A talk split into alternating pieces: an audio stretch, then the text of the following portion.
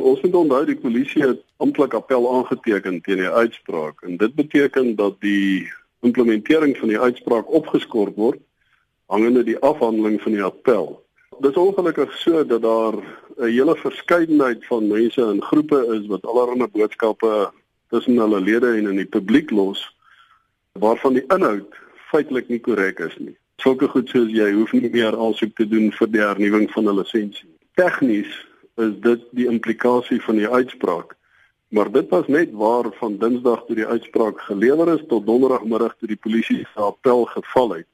Daarna is dit nie meer waar nie omdat die appel of omdat die uitspraak opgeskort is. So, wat is julle raad aan mense? Jy weet want die, al die al hierdie jy weet inligting word versprei onder andere op sosiale media. Weet jy ons advies is regtig dat nou die tyd is wat ons rustig moet wees, koelkop moet bly en moet bly voldoen aan die vereistes van die wet. Die laaste ding wat ons nou nodig het is burgerlike ongehoorsaamheid. Dit gaan net die saak van wapeneienaars baie slegter maak.